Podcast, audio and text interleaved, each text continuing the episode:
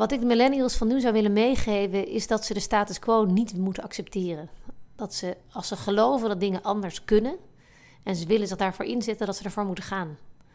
En ehm, denken dat je één man te klein is om een verschil te maken, is, een, uh, is eigenlijk altijd een soort van defeat te accepteren. Dus ik geloof dat je altijd moet blijven dromen en die droom moet blijven nastreven. En niet moet accepteren dat het nou eenmaal niet zo is of dat we het nou eenmaal niet zo doen.